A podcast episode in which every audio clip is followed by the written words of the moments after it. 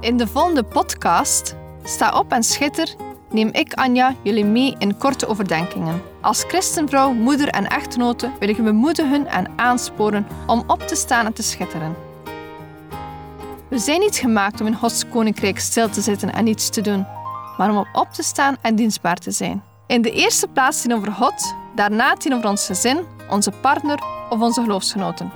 En als gevolg zullen we dan ook schitteren in de wereld. Neem je Bijbel bij de hand, want zonder Bijbel zijn we als een kok zonder eten of een zanger zonder stem. Dus luister naar, sta op en schitter.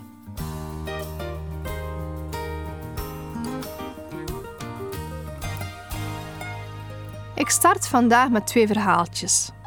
Het eerste verhaaltje gaat over twee houthakkers die een wedstrijd hielden om het meest bomen omhakken. Direct na zonsopgang klonk het startschot en vlogen de splinters van het hout hen letterlijk om de oren. De kleinste van de twee liep elk uur met zijn bijl een minuut of tien verder het bos in en kwam dan weer terug. Zijn tegenstander, die een stuk groter was, keek hem dan glimlachend en zelfverzekerd aan, in de overtuiging dat hij aan de winnende hand was. Hij was sterker, kwam de hele dag niet van zijn plek af, onderbrak het houthakken niet en nam geen enkele pauze. Aan het einde van de dag was de grote man geschokt dat zijn tegenstander, die schijnbaar zoveel tijd verkwiste, veel meer bomen geveld had dan hij. Hoe heb je dat voor elkaar gekregen? Je hebt zo vaak een pauze genomen, vroeg hij. De kleine man antwoordde: Elk uur heb ik mijn bijl geslepen. Het tweede verhaaltje gaat ook over een houthakker. Deze houthakker was zoals gebruikelijk s'avonds laat hout aan het hakken in het bos. Hij moest wel, want hij was kostwinner en de prijs van hout was laag. Er moest iedere dag veel hout gehakt worden. Gelukkig was het een sterke man die goed kon werken. En als hij van 7 uur s ochtends tot 11, 12 uur s avonds werkte, verdiende hij genoeg om zijn gezin te onderhouden. Op een dag kwam er een reiziger langs. Hij bleef een tijdje vol bewondering en interesse naar de harde arbeider van de houthakker kijken. Toen deze even een korte pauze nam, sprak de reiziger hem aan. De houthakkers die ik tot nu toe tegenkwam op mijn reis, werkten overdag. Waarom hakt u nu juist s'avonds hout? O, zei de houthakker, ik werk ook overdag hoor. Maar ziet u, de prijs van het goud is laag en ik heb een gezin te onderhouden. Dus ik werk s'avonds door. Verbaasd vroeg de reiziger: Ik zie dat uw bijl bot is. Zou u niet veel meer hout kunnen hakken als u uw bijl laat slijpen? Daarop zei de houthakker: Dit is op zich wel een idee. Maar ik zou niet weten waar ik de tijd vandaan moet halen om het te laten slijpen. Toen vervolgde de reiziger zijn weg, maar hij verbaasde zich er toch over hoe iemand die zo hard probeert te werken, zulke belangrijke voorwaarden om zijn doel te bereiken negeerde. Twee verhaaltjes die we ook kunnen toepassen in ons leven. Het klinkt zo logisch om je bijl te slijpen als je goed wil werken. Maar soms zijn we zo druk bezig dat we dit vergeten. Als we ons doel willen bereiken, is het belangrijk om onze bijl te slijpen. Heb je ooit al eens hout gehakt met een botte bijl? Of een botmes gebruikt? Het werken gaat daardoor zeer moeilijk. Het slijpen van een bijl kan veel tijd in beslag nemen maar het zal op lange termijn energie besparen. In Prediker 10, vers 10 schrijft Salomo het volgende: Als het ijzer bot wordt en iemand slijpt de snede niet, dan moet hij meer kracht zetten. Het voornaamste om te slagen is wijsheid. Koning Salomo leert ons vandaag een belangrijke geestelijke les. Het is belangrijk om aan het begin van elke nieuwe dag tijd te nemen om je geestelijke bijl te laten slijpen. Anders word je moe van je hard werken.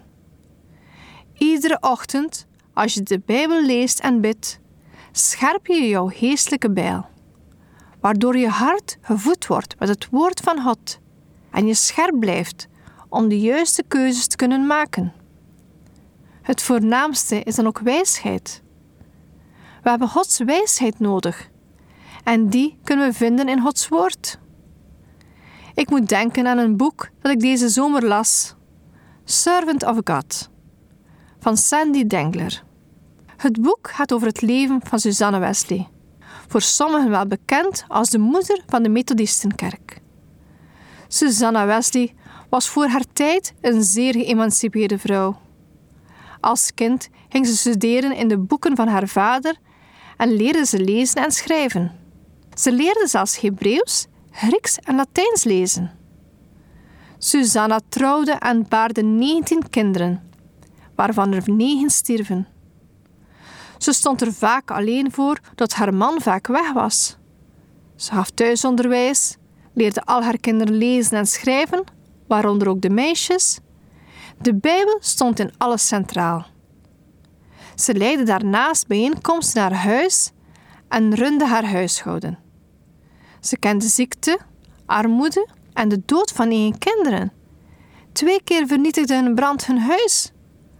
Maar door dit alles accepteerde Susanne de wil van God en legde zichzelf en haar gezin in zijn handen. Wauw, wat een voorbeeld. Ze leefde volgens één regel. Ik wil iedere dag net zoveel tijd aan God besteden als aan ontspanning. Toen ik dat las, was het alsof God me wakker schudde. Ik zat toen lui in een comfortabel zetel in de zon te lezen en ben mijn tijd beginnen analyseren. Dit boek gaf mij confronterende lessen. Lessen over liefde, volharding, onderwijs, tijdsbesteding en gebed. Dat haar leven vruchten afwierp, begrijp je vast. Ze is de moeder van onder andere John, de grondlegger van de Methodistenkerk. Een stroming die vandaag de dag nog invloed geeft in de wereld. Waarom denk ik aan dat verhaal als het gaat over een bijl? Haar uitspraak: Ik wil iedere dag net zoveel tijd aan God besteden als aan ontspanning. Zette ze ook om in de praktijk. Iedere morgen, hoe druk of chaotisch het moment ook was, pakte Susanne haar Bijbel en hooide haar schort als een tent over haar hoofd. Voor de kinderen het teken om hun moeder met rust te laten. En voor Susanna het moment om te lezen en te bidden. Ze creëerde haar eigen ontmoetingsplek met God, haar eigen tabernakel. Eerst God en dan de rest. Ze is een voorbeeld van hoe men bijl geslepen houdt. Als het niet had gedaan, zou het moeilijk geweest zijn om zo'n christelijk leven te blijven leiden. Ik probeer me in te leven in haar leven. 17e eeuw, moeder van 19 kinderen, waarvan er 9 als baby overlijden. Haar man is veel weg en ze komt nauwelijks rond. Voor Susanne Wesley was het de bittere realiteit. Maar ze liet zich niet ontmoedigen. Ze had goede prioriteiten. Iedere dag tijd met God. Iedere dag even haar bijl slijpen voor ze aan een zware werkdag begint. Ook in Handelingen 17, vers 11 lezen we hoe de christenen in het stadje Berea ons als voorbeeld zijn. Er staat: En deze waren edeler van gezindheid dan die in Thessalonica, want zij ontvingen het woord met grote bereidwilligheid en onderzochten dagelijks de schriften om te zien of die dingen zo waren. Wat een voorbeeld van dagelijks je bijl slijpen. Zij onderzochten dagelijks de schriften. Wat een getuigenis om elke dag met God te beginnen en je geestelijke bijl te laten scherpen, zodat je met Gods kracht de dag ingaat. Om tot zegen te zijn voor iedereen die God op je pad brengt. Let op dat je niet bent als een houthakker die zo gefocust is op het hard werken en vergeet om zijn bijl te slijpen. Wees een verstandige houthakker die tijd neemt om te rusten en de bijl te slijpen. Ga aan de voeten van Jezus zitten om te horen wat Hij je wil zeggen. Als je je dag met God kan beginnen, zal je dag veel gemakkelijker gaan. Je zal als het ware meer hout kunnen hakken. We zouden een leven moeten leiden als dat van Susanne Wesley, die iedere dag twee uren de tijd nam om met God bezig te zijn. Twee uren. Ja, dat klinkt veel, maar hoeveel tijd spenderen we aan ontspanning? Het is zo belangrijk om tijd met God door te brengen, want het is de beste manier om God te kennen. Satan wil niet liever dat we zo druk bezig zijn in het leven dat we geen tijd hebben voor God. Het is een tactiek die goed werkt bij christenen. We zijn soms wel eens die houthakker, druk bezig en geen tijd om onze geestelijke bijl bij te scherpen.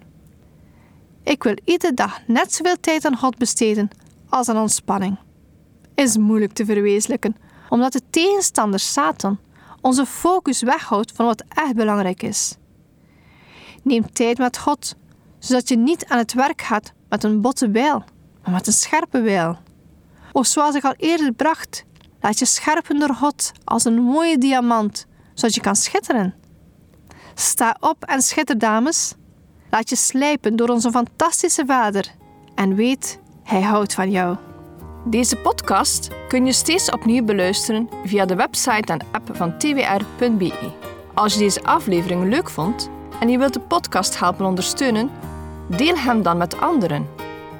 Heb je gebed nodig of wil je reageren op deze uitzending?